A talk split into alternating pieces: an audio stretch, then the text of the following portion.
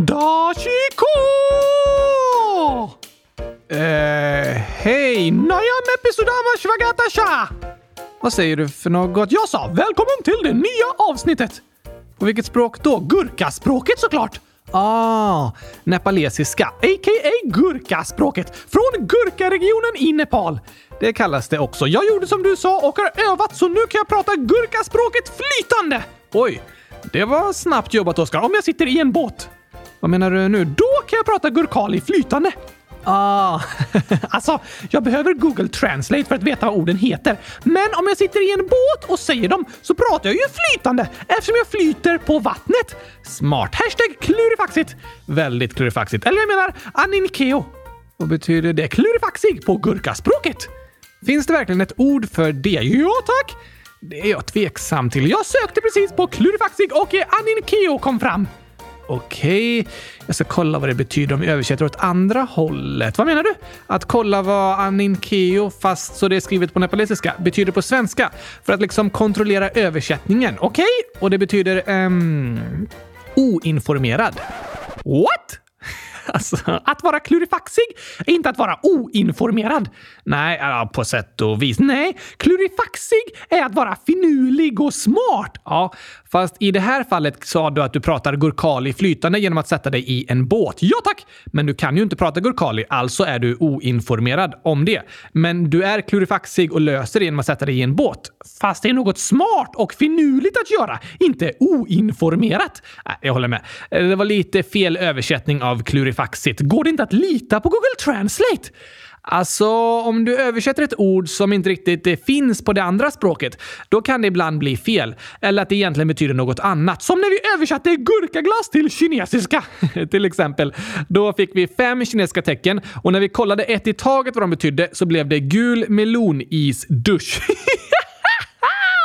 Fast sammansatt betyder de gurka och glass. Sant! Så alla svenska ord finns inte på andra språk? Nej, särskilt inte såna lite ovanliga, tokiga ord som du använder en del. Som klurifaxig.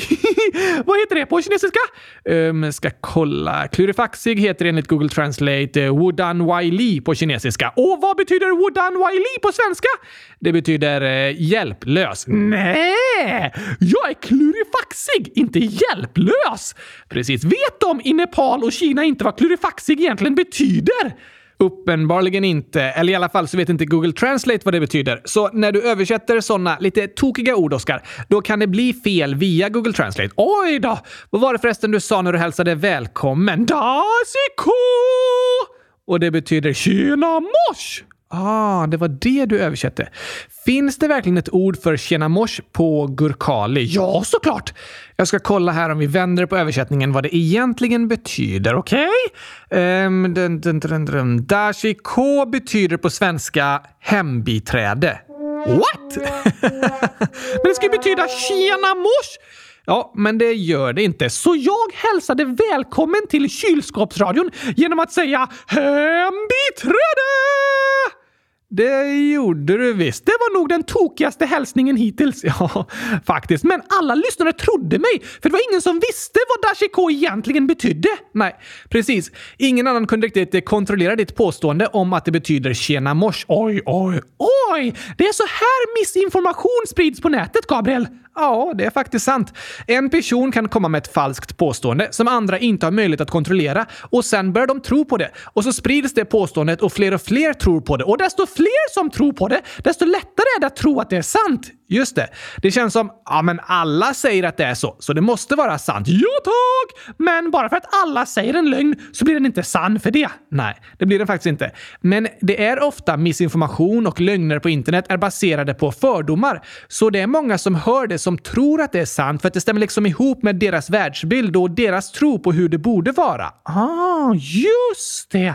Så det är lättare att lögner och missinformation som har med fördomar att göra sprids på internet. För det är fler som tror på de påståendena och lögnerna. Jag fattar!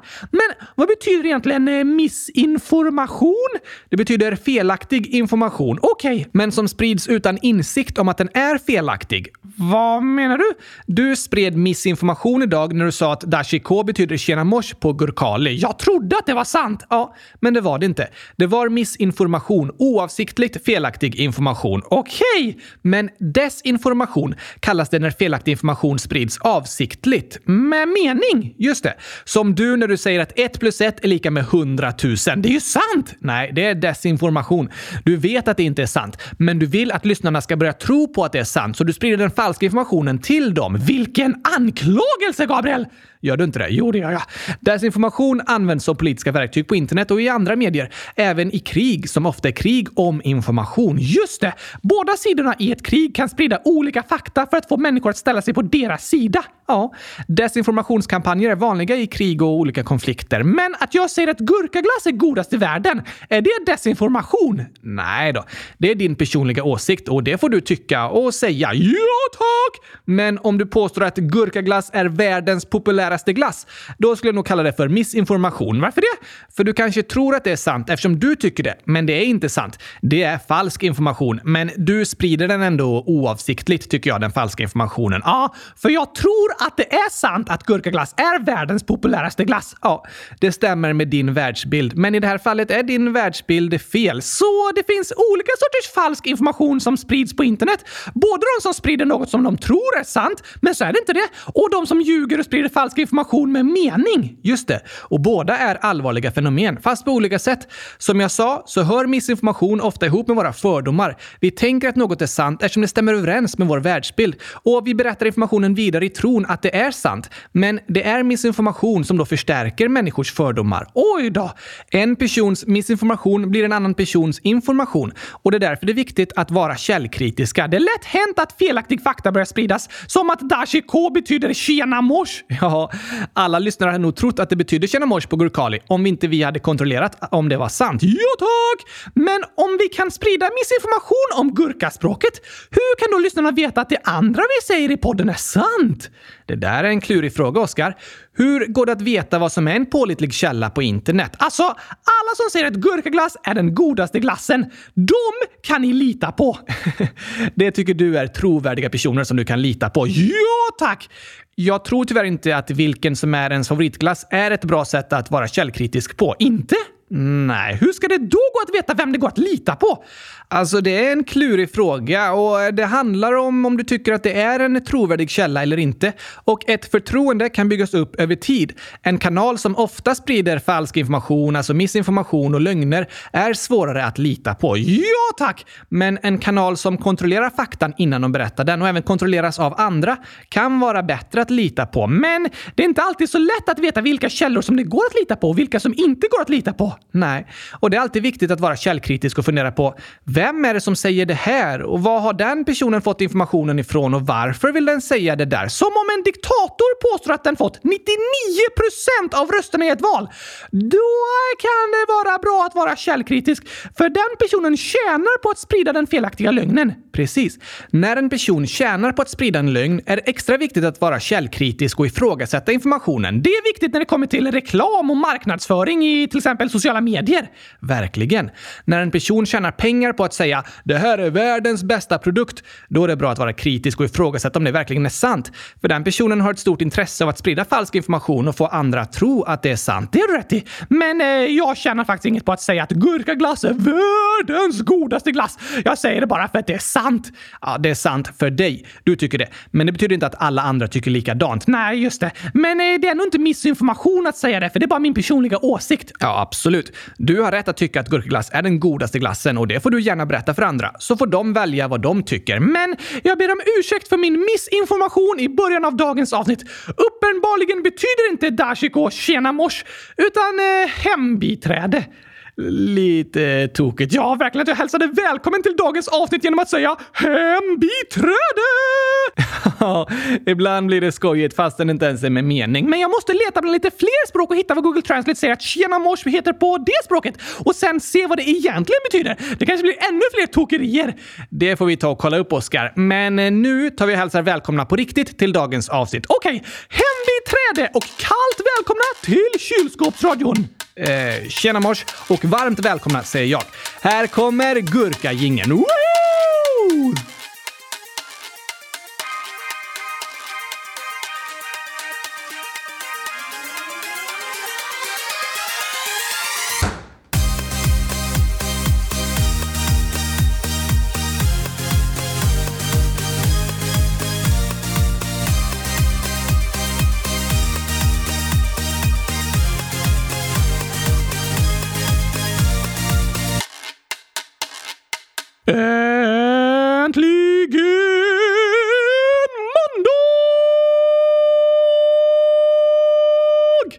Och äntligen avsnitt 100 358 av Kylskåpsradion. Första min maj. Det heter min månad i gurkianska kalendern.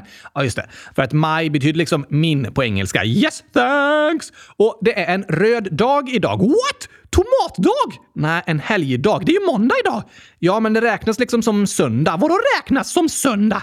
Det är en röd dag, en nationell helgdag. Fast i kylskåpsradion räknar vi det inte som en söndag. För om det är söndag kommer det inget avsnitt, men som tur är kommer det ett nytt avsnitt av podden idag. Ja, det är ju tur det. Men det är en röd dag, en helgdag. Måste vi äta tomater då?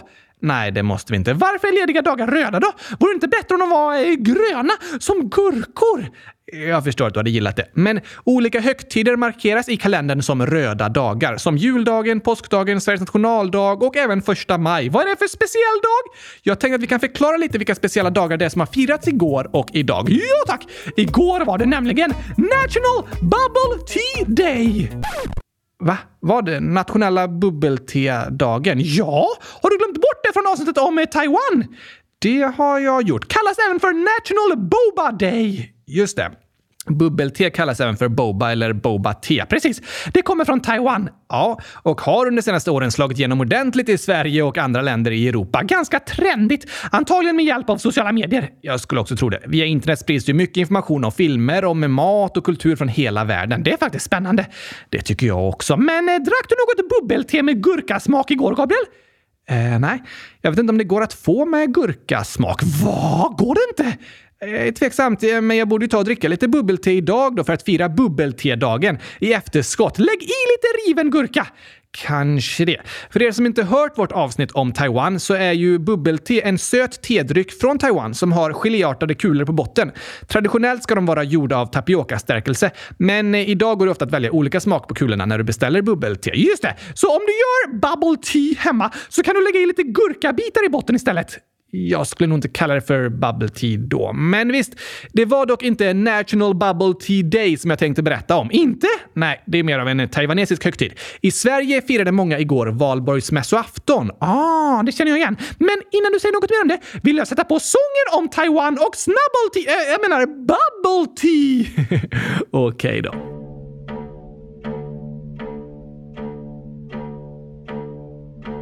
Vi åker till en ö i Stilla havet, tränger ihop oss nästan så det skaver i ett av världens tajtaste länder. Här kan man verkligen säga att mycket händer. Kan inte komma överens om namnet om vem som tillhör vem och vem som styr över landet. Ett inbördeskrig som aldrig riktigt slutat. Handlar det här är det viktigt att du prutat. Är du hungrig kan du käka lite stinkande tofu. Är du törstig kan du dricka lite snubblande Whoops! Aj, aj, oj, aj, nej! Inte snubbelti, jag menar babbelti! Ah, ja, var var jag någonstans? Eh, just det. Med supersnabba hissar åker du till världens topp och när du väl är där kan du nudlar äta upp. Om du jagas av svartbjörnen hoppas jag du hann ända fram till säkerhet i landet Taiwan. Tokig sång! Ja, särskilt när du snubblar. Men det var ett spännande och intressant avsnitt om Taiwan. Ja, tack! Men igår var det alltså valborgsmässoafton och idag är det första maj som är en röd tomatdag. Vad är det för något egentligen? Kortfattat kan en säga att valborgsmässoafton är ett sätt att fira in våren. Ah! Det är i alla fall det de flesta firar. Det är väl många av sångerna runt valborg som handlar om det. Den mest kända heter Längtan till landet och den har ni kanske sjungit på någon musiklektion nu i veckan eller på något firande i skolan. Det handlar om att vintern rasat ut bland våra fjällar och snart är sommaren här. Så högtiden handlar om att vintern är över och sommaren är på väg. Typ ja. Det är faktiskt en av de allra äldsta svenska högtiderna, för den grundades eh, på en så kallad förkristen högtid, alltså över tusen år gammal. Oj då! Sen på 1400-talet så kopplades dagen ihop med ett helgon, Sankta Walpurgisk, men det är inte så många som ens känner till det idag. För de flesta handlar valborg om majbrasor, studentsång och vårfest. Varför eldas de stora eldarna? Från början var det liksom ris och annat material från vårstädningen av skogar och fält som eldades upp på valborg. Aha, så gamla träd och grenar? Ja, precis. Och en stor majbrasa är för många det främsta sättet att fira valborgsmässoafton. Kanske var några av er lyssnare och tittade på en stor eld igår. Hoppas inte det var några gamla kylskåp som eldades upp! Eh, nej, Oskar. Det är inte bra att elda kylskåp. Verkligen inte! För de tycker jag så mycket om. Ja, men jag menar att det inte är bra att elda upp elektronik på det sättet. För det första brinner de inte så bra. För det andra kan det bli farliga ångor och så. Aha! Skräp som är gjort av naturliga material som grenar, löv, gamla julgranar, blommor och så vidare. Det går bra att elda upp. Men annat liksom nytt eh, onaturligt skräp som plast, trasiga telefoner, kylskåp, skruvar och sånt. Det ska du verkligen inte elda upp. Särskilt inte kylskåpen! Nej, särskilt inte dem. Jag ska göra en majbrasa där jag eldar upp eh, ruttna tomater. Okej, okay, det kommer bli vackert att se dem brinna! Jag vet inte om ruttna tomater brinner särskilt bra. Om jag kastar in dem i en eld som är gjord av grenar och kvistar då? Ja, det kan du ju göra.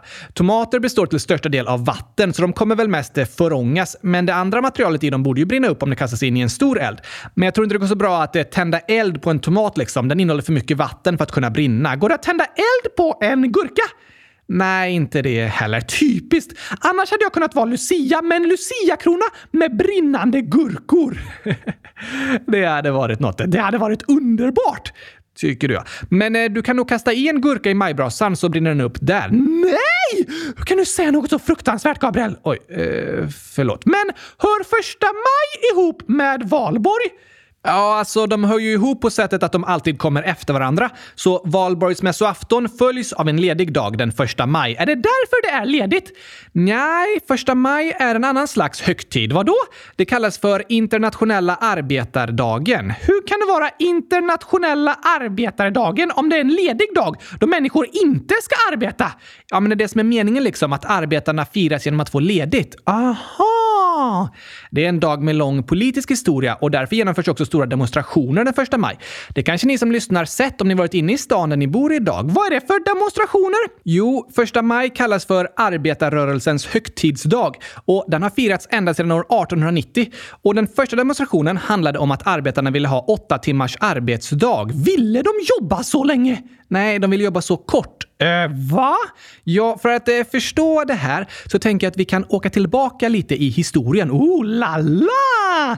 Till 1800-talet och industriella revolutionen som vi pratar om då och då här i podden. Det var en tid då samhället förändrades väldigt, väldigt mycket. Det var det. Och det passar att prata om nu när det firas första maj idag. Ja tack! Här hoppar vi in i tidsmaskinen! Det gör vi.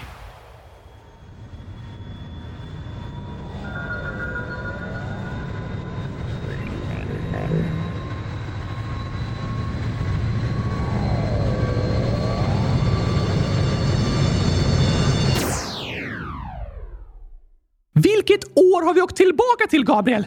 Eh, vi är inte vid ett exakt årtal, för saker hände vid olika tillfällen i olika länder. Men vi är i 1800-talets Europa, då många europeiska länder industrialiserades och fler och fler människor flyttade till städer och började jobba i stora fabriker och gruvor och annat. Ah, Ah! Istället för att vara jordbrukare och odla sin egen mat. Precis. Samhället förändrades från att nästan alla varit bönder och ätit det de själva odlat till att nya maskiner och odlingstekniker gjorde att färre personer kunde odla mat som räckte till alla medan de andra kunde börja jobba i fabriker med att producera varor eller i gruvor för att fixa ny slags energi, särskilt kol och specialisera sig på olika yrken. Och då började många flytta till städer och tryckas ihop på mindre ytor. Helt riktigt, Oskar. Samhället förändrades otroligt mycket i Sverige och andra europeiska länder under industrialiseringen på 1800-talet och början av 1900-talet. Andra länder då?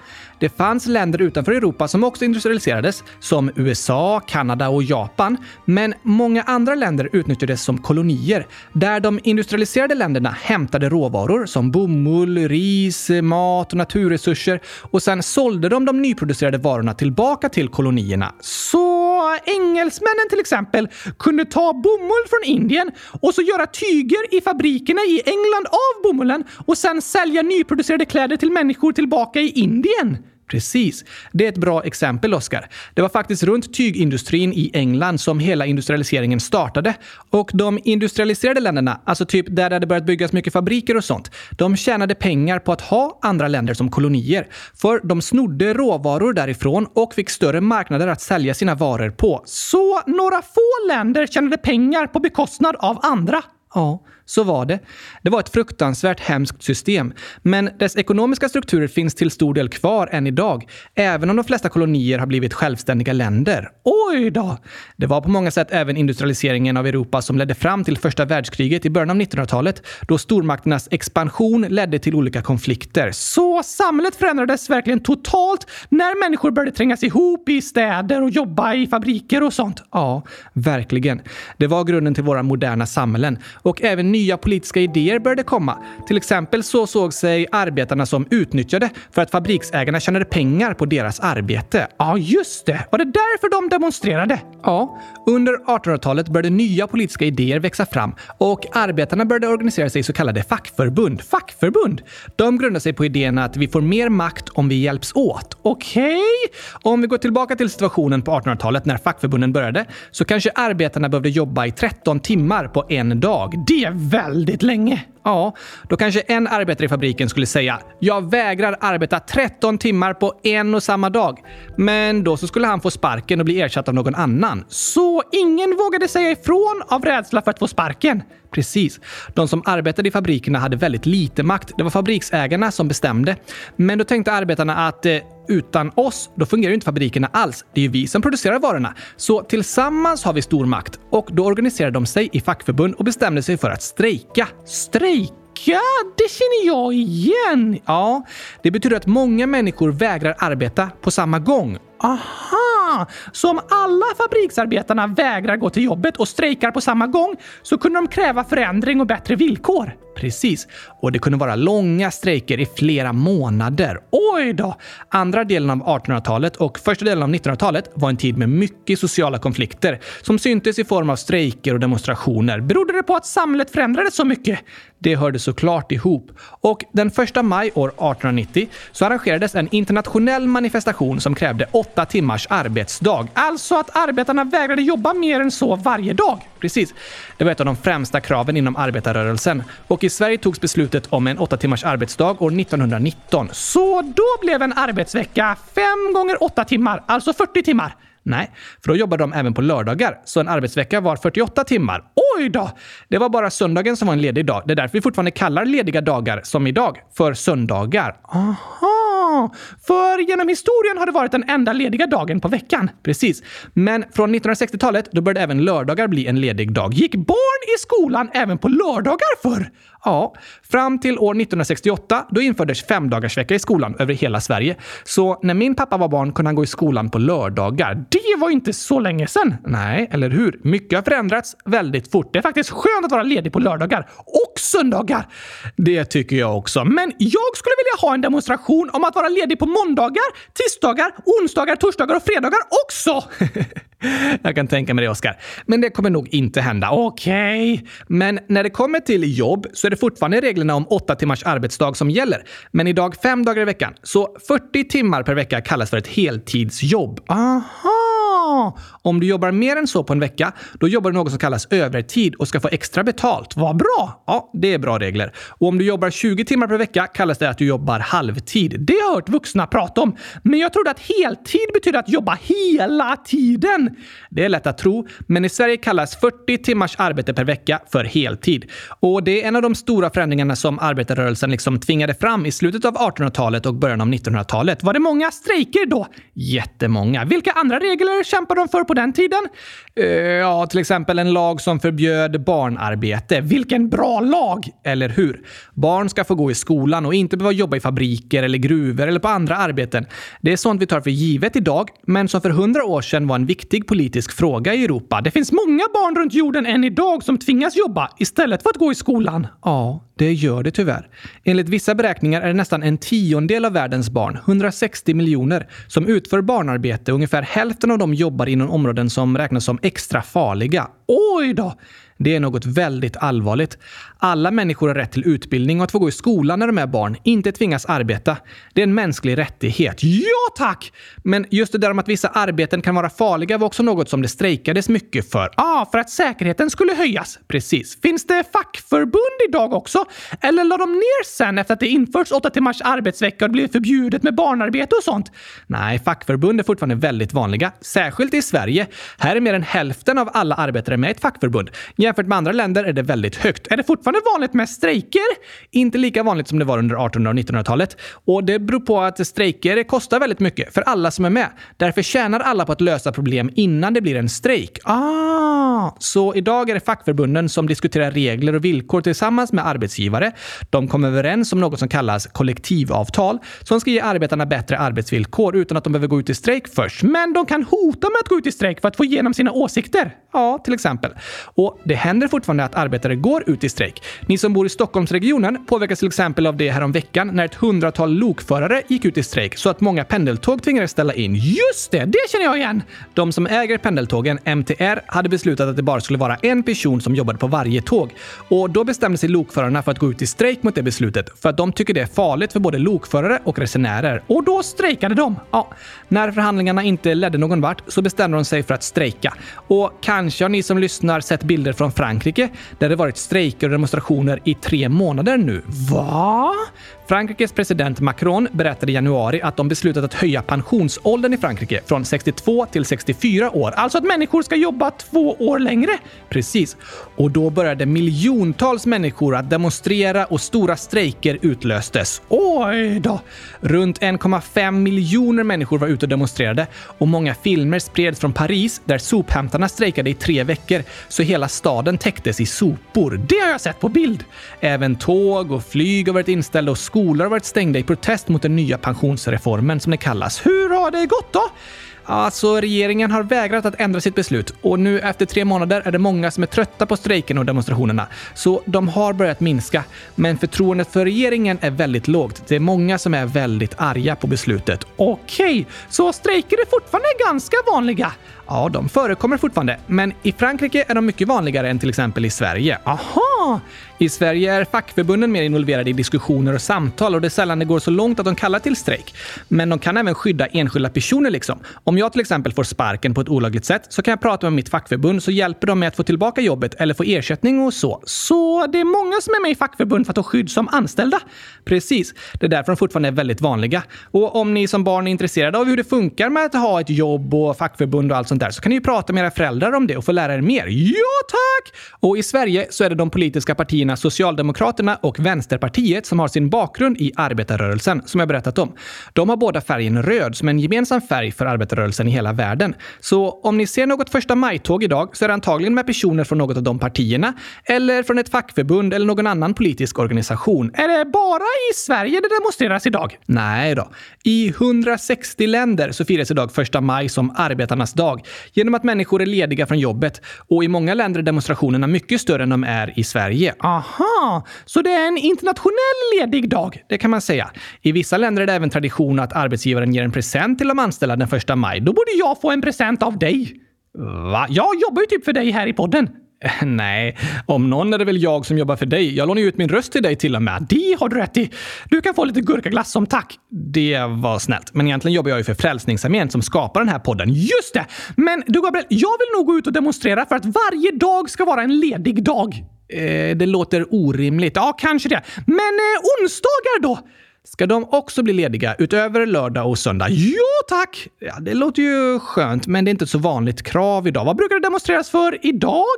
Det finns faktiskt vissa som tycker att arbetsdagen ska minska från åtta timmar till sex timmar. Aha! Då tycker jag skoldagen borde förkortas till tre timmar. Kom igen nu alla elever! Demonstrera tillsammans med mig!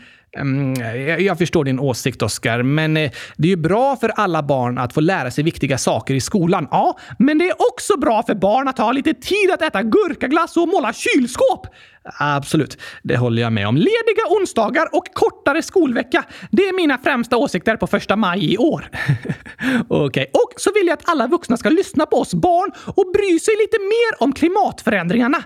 Det är det många som demonstrerar för. Jag tror det är många lyssnare som stöttar mina åsikter. Det tror jag också. Både gällande klimatet och lediga onsdagar. Ja, tack! Men något jag tycker vi kan reflektera över utifrån den här berättelsen om strejker och det som firas idag den första maj är att när vi hjälps åt, då kan vi bli starkare. Du menar att när de som strejkar säger ifrån tillsammans får de mer makt att påverka? Ja, precis. Och det gäller i andra sammanhang också. Här i podden pratar vi mycket om mobbning och utsatthet. Det är det många lyssnare som är med om. Det är ni många som skriver och berättar om. Tack till alla som hör av sig! Tack för det. Och även när det kommer till mobbning så är vi också starkare när vi hjälps åt och säger ifrån tillsammans. Just det! Det är jobbigt och svårt att själv gå emot de som är dumma eller förändra en negativ atmosfär. Men tillsammans kan vi göra stor skillnad i att motverka mobbning. Det har du rätt i! Sverige är ju ett demokratiskt samhälle och demokrati handlar i grunden inte om att sitta still och vara tyst, utan demokrati handlar om att vara aktiv. Att vara med och bestämma och rösta och säga vad en tycker. Och det handlar även om att stå upp för mänskliga rättigheter och alla människors lika värde. Så demokrati är något aktivt där vi alla är delaktiga och skapar det samhälle vi vill ha. Ja, så är det. Alla har rätt att uttrycka sina åsikter. Det är det som kallas yttrandefrihet. Men ibland kan vi bli tysta och se på när vi ser orättvisor utan att reagera. Men jag tror det är viktigt att vi tillsammans säger ifrån mot förtryck, utsatthet och diskriminering. Ja tack! Det gäller både på skolgården och i samhället i stort. Det är dagens reflektion. Denna demonstrationsdag. Just det. Tillsammans kan vi göra stor skillnad och stå upp för alla människors lika värde. Det gäller även barn. Absolut. Ingen är för liten för att vara med och påverka och alla Allas åsikter spelar roll. Det är väldigt viktigt, Oskar. Det är också en grund i en demokrati. Oavsett vem du är så spelar din åsikt roll, för du är viktig. Det önskar jag att alla ni som lyssnar ska få känna. Det önskar vi verkligen. Du är viktig. Men efter att ha pratat lite om historien tycker jag vi går över till eh, roliga historier. det tycker jag också, Oskar. Här kommer dagens skämt!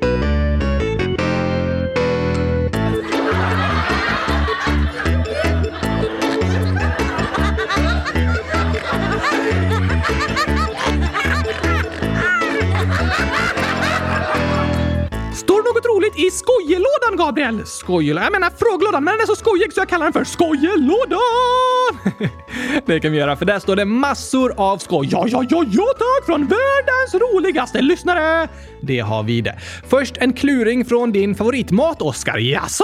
Det är gurkaglass, nio år, som skriver “Jag har ett skämt. Vad sa tacosen när den gick?” Är tacos min favoritmat? Alltså lyssnarnamnet gurkaglass. Ah, såklart! Men jag älskar tacos också. Okej, okay. utan köttfärs, tomater, bröd, lök, chips, sås, gräddfil, ost, sallad och paprika. Vad har du kvar då? Gurkor? Ja, ah, just det. Du äter bara gurkor och kallar det för tacos. Det är tacos! Nej, det finns uppenbarligen inga regler för vad som får kallas för tacos, för alla blandar och lägger i precis vad som helst. Det har du rätt i. Jag tror inte att så många mexikaner hade kunnat kalla ditt tacoinnehåll för tacos, Gabriel. Antagligen inte. Så då får gurkor också kallas för tacos. Alltså, det är ett eh, starkt argument, Oskar. Jag förstår vad du menar. Men har du något svar på gåtan? Hmm. Vad sa tacosen när den gick? Eh, adios? Som i Mexiko menar du? Ja tack! Ja, det var ju en bra gissning. Men tyvärr fel. Då vet jag inte. Den säger ju taco hej. taco hej! Just det! Väldigt tokigt faktiskt. Låter verkligen som något tacosen säger, eller hur? Och den här kluringen då? Från Leo Superbanan, 7000 år. Hej! Jag har ett skämt för er. Vet ni vem som måste gå på toa på jobbet, även om man inte är bajs eller kissenödig? Va? Det är väl onödigt att gå på toa om man inte är bajs eller kissnödig? Ja, men det finns ett särskilt yrke som måste göra det. Hmm, fotbollsspelare?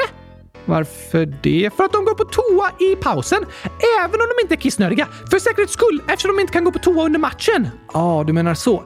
Det var ju smart tänkt, Oskar, men det är fel. Okej, okay. är det någon som är tvingad att gå på toa? Ja, han eller hon får till och med betalt för att gå på toa. What? Helt galet ju. Får han betalt för att gå in på en toalett. Yes. Är det någon som jobbar med att eh, lukta på olika toaletter och bedöma stanken för att ge dem betyg i Google Maps? Eh, nej, det tror jag inte finns det yrket. Skulle ändå vara bra att veta vilka toaletter som luktar bäst. Ja, kanske det, men det beror ju på vem som har varit där före en. Ah, sant. Vem är det då som måste gå på toa även om en inte är bajs eller kissnödig? Rörmokaren. Aha! Rörmokaren måste gå på toa! Ja, fast inte för att bajsa eller kissa utan för att laga rören. Ja, tack! ja, det var en tokig gåta. Leo skriver även “Jag ska till min kompis Dennis på fredag. Woohoo! Hoppas du hade det bra där, Leo. PS. Pappa Skriptum om Schweiz. Visste ni att hamburgaren i Italien heter svitsera och wienerbrödet heter svedese som betyder svenskt? Va? Så i Sverige äter vi italiensk mat och napolitansk pizza och sånt och kallar det för italienskt. Och i Italien äter de mat som kallas schweiziska och svenskt. Ja, det gör de. Så maträtter har namn om andra länder liksom. Det är ganska vanligt ja. Men eh, det är inte alltid det stämmer med maten faktiskt äts i landet det är uppkallat efter. Som när vi säger mexikansk tacos och de i Mexiko undrar vad i all sin dar vi äter för något. Till exempel. Vissa länder serverar även eh, svenska köttbullar som är stora som en knuten hand och så brukar inte vi ens äta köttbullar i Sverige. Nej tack! Så är det lite tokigt det där med namn och att kopiera mat från olika länder. Men Leo avslutar med att skriva PPS. Min pappa säger att 100 000 är liksom 32 på binär. Va? Är 100 032! Ja, eller alltså det är inte 100 000 utan en etta med fem nollor. Vad är binära tal egentligen? Det är ett talsystem som bara använder två siffror, nollor och ettor. Aha! Så siffran 2 skrivs som 1 och 0, 3 skrivs som 1 och 1, 4 blir 1 0 0, 5 blir 1 0 1 och så vidare. Och då blir 1 0 0 0 0 0 lika med 32. Yes, men det är ju hundratusen! Inte i en dator. Vad menar du? Det är binära tal som liksom används i alla datorer. Bara ettor och nollor. Ja, precis. Gabriel, om två år fyller du hundratusen! Eh, ja, sant. Jag fyller 32. Det är helt otroligt ju! Lite tokigt faktiskt. Tack till Leo Superbanans pappa för att du uppmärksammade oss på det. Men i år fyller jag 100 000 timmar! Det gör du i juni, men inte i binära tal. Nej tack! Ska vi ta en eh, sång nu eller? Det låter bra. Den om att eh, vintern rasat ut? Eh, nej, men du kan sjunga den Gurkatid nu kommer. Ja, tack! Det blir bra. Även om pianot behöver stämmas. Ja, det blir bra ändå. Här kommer den!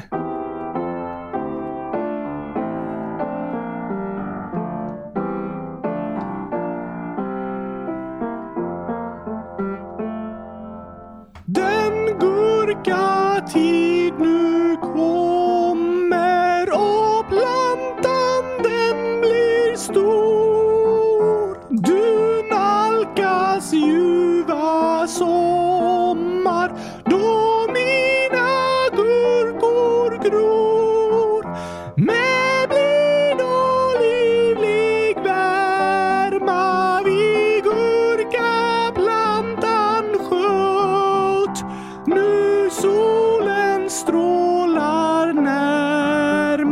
och det smakar riktigt gött. Första min alla älskade lyssnare! Första maj säger jag, fast det är min månad. Min också. Ja, men alltså den heter så. Ja, det tycker du ja. Nu är våren här. Ja, ja, ja tack! Och vi hoppas ni alla har en härlig långhelg. Är den lång? Ja, eftersom det är ledigt på måndagen. Då blir ju helgen tre dagar lång. Just det! Så borde det alltid vara. Det hade varit skönt. Men du, vi har ju berättat lite om varför valborg och första maj firas. Ja, tack! Och jag glömde säga att vi också firar att jag fyllde år igår. Eh, vad menar du nu? Ja, hashtag kungen! Ja, Sveriges kung fyllde år igår. Det gör det också till en flaggdag. Men jag är kung på att göra gurkaglass och kung på att måla kylskåp. Jo, eh, visst, det kan vi kalla dig. Alltså var det på sätt och vis min födelsedag igår också. Okej, vi säger så. Vi pratar ju även lite om nyheter i vår berättelse, men jag tänker ändå att det var länge sedan vi hade Vad händer? och fötter här i podden. Så vi kanske skulle fortsätta med några nyheter till. Ja, tack! Det låter spännande. Då börjar vi med sport och sen så ska jag berätta om något ovanligt som hände mig igår. Okej? Här kommer Vad händer? och fötter.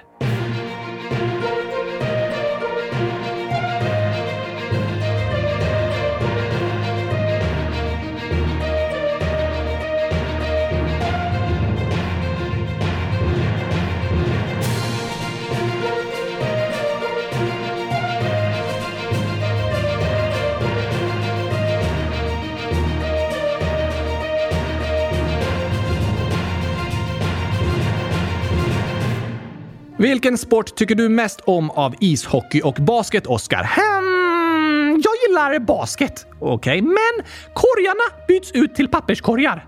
Va? Och bollen byts ut till en chokladkaka. Så sporten går ut på att kasta choklad i papperskorg. Ja tack, det gillar jag. kan jag tänka mig. Du då? Eh, men jag älskar att åka skridskor och spela ishockey, men tittar mer på basket faktiskt. Särskilt nu eftersom Borås Basket är i final i år. Oh la la! De har 1-1 i matcher mot Norrköping efter två matcher. Den tredje spelas medan det här avsnittet släpps. Lycka till! Tack, tack. Det blir svårt för Norrköping är väldigt duktiga, men Borås vann serien, så vi får se. På damsidan har dock Luleå Basket redan säkrat guldet. Grattis! Och Luleå har ett otroligt bra sportår på damsidan, för de vann även Hockeyligan. Nämen! Väldigt imponerande. Grattis till alla lyssnare i Luleå, eller som hejar på dem. Just det, såklart. Men på här sidan då var det Växjö Lakers som vann guld i ishockey för fjärde gången. Oj, oj, oj! Grattis till er också! Stort grattis! Det säger vi även till alla i Örnsköldsvik, där det var fest igår efter att Modo gått upp i SHL igen efter många år i Hockeyallsvenskan. Det är alltid många olika lag att gratulera så här i slutet av våren, eller hur? Nu är det många olika serier som avslutas, men nog om sport för idag. Vad var det för ovanligt du var med om, Gabriel? Jo, som sagt kommer jag ju ifrån Borås, Sveriges regnigaste stad. Vissa år får den det priset. Så eh, jag är van vid mycket regn. Inte kul för mig att bo där, som är allergisk mot vatten! Nej, det passar ju inte så bra. Men som ni vet studerar jag ju nu på ett universitet i Barcelona och här har det inte regnat alls mycket i år. Inte i höstas heller. Så redan i april är det torka i nästan hela Spanien. Va? April månad har varit extremt varm i södra Europa och i slutet av april var det 38,8 grader i staden Cordoba. Det var ett nytt värmerekord i Europa i april. Oj då! Jordbruksverket i Spanien varnar för att 60 procent av landets jordbruksmark, alltså mer än hälften, kanske inte kommer kunna användas användas i år på grund av torkan och flera bönder har redan fått ställa in årets skörd. Vad hemskt! Ja, det är det faktiskt. Här i Katalonien, den region där Barcelona ligger, så är vattenreservoarerna bara på 27 procent av sin fulla kapacitet innan sommaren, som är den torra perioden, ens har börjat. Ses det som en eh, klimatkris? Ja, nästan alla experter kopplar ihop de här hemska konsekvenserna med hög värme och torka till klimatförändringarna. Och därför var det en lite ovanlig känsla för mig igår när jag blev superglad av att det började regna. Aha! Det har du inte känt så många gånger hemma i Borås? Nej, där jublar jag sällan över regnet. Fast härom sommaren när det var så stora skogsbränder så var vi ju många som längtade efter regnet även i Sverige. Det är sant! Kom det mycket vatten igår då? Tyvärr inte. Det regnade bara i typ en halvtimme. Men det var ju bättre än inget. Ja, tack! Och nu hoppas vi att det kommer mer regn de närmsta veckorna, även om prognosen för tillfället inte tyder på det. Okej. Okay. Och jag tänker att vi även kan prata lite om ett annat torrt land som ligger i sydöstra Sahara. Vilket då? Sudan. Aha! Det har jag hört det pratas om på nyheterna. Ja, Sudan har varit ett konfliktdrabbat land under lång tid med mycket stridigheter om vilka som ska ha makten. År 2019 var det en revolution i landet med uppror och folkliga protester mot presidenten al-Bashir som suttit på makten i 26 år. Oj då! Han ersattes av en övergångsregering med målet att ge folket mer demokratisk makt. Men istället genomfördes en militärkupp år 2021 som ledde till fler stora protester förra våren där många människor dog och över tusen personer fängslades. Va? Och nu så har maktkampen resulterat i en väpnad konflikt mellan arméchefen Al-Buran, som i praktiken är landets ledare nu när det styrs av en militärjunta, och ledaren för RFS, som är en paramilitär milis. Så det är typ eh, två olika militärgrupper som slåss mot varandra om makten? Ja, så skulle man kunna förklara det.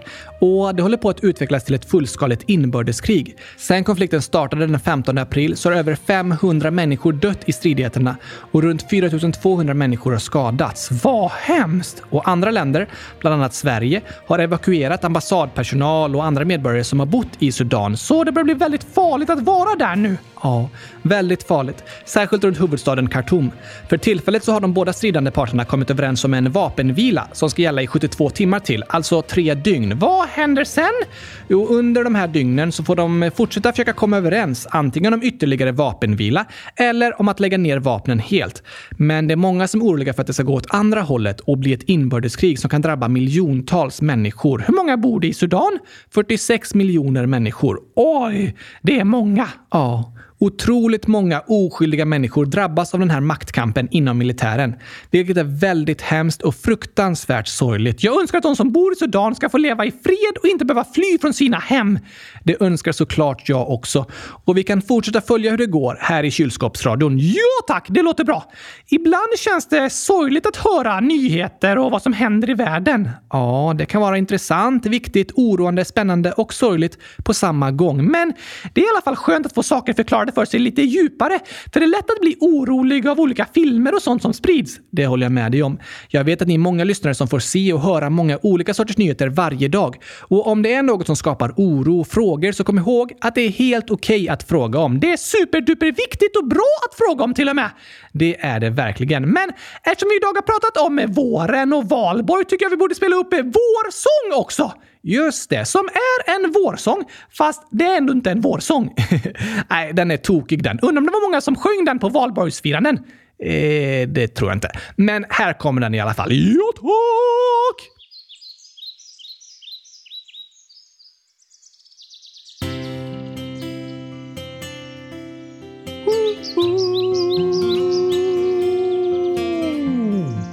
Ah, vilken härlig dag!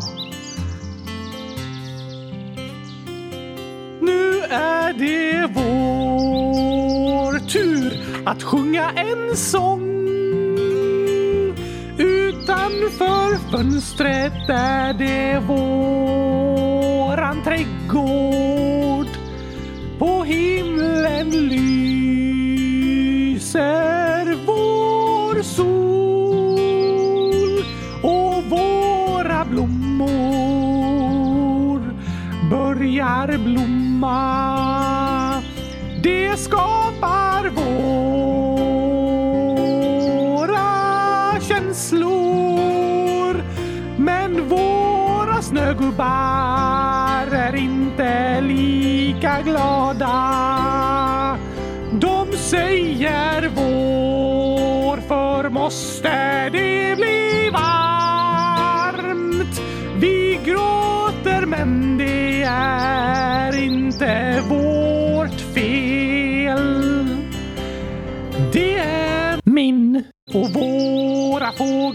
Börjar kvittra. Och våra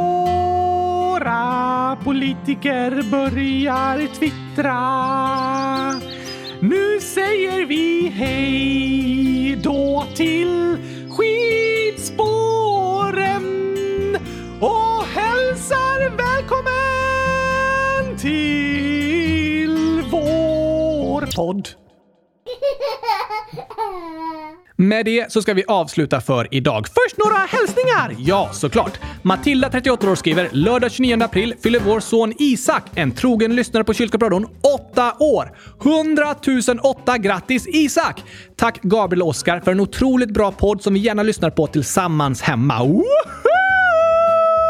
Gratis i efterskott på födelsedagen Isak!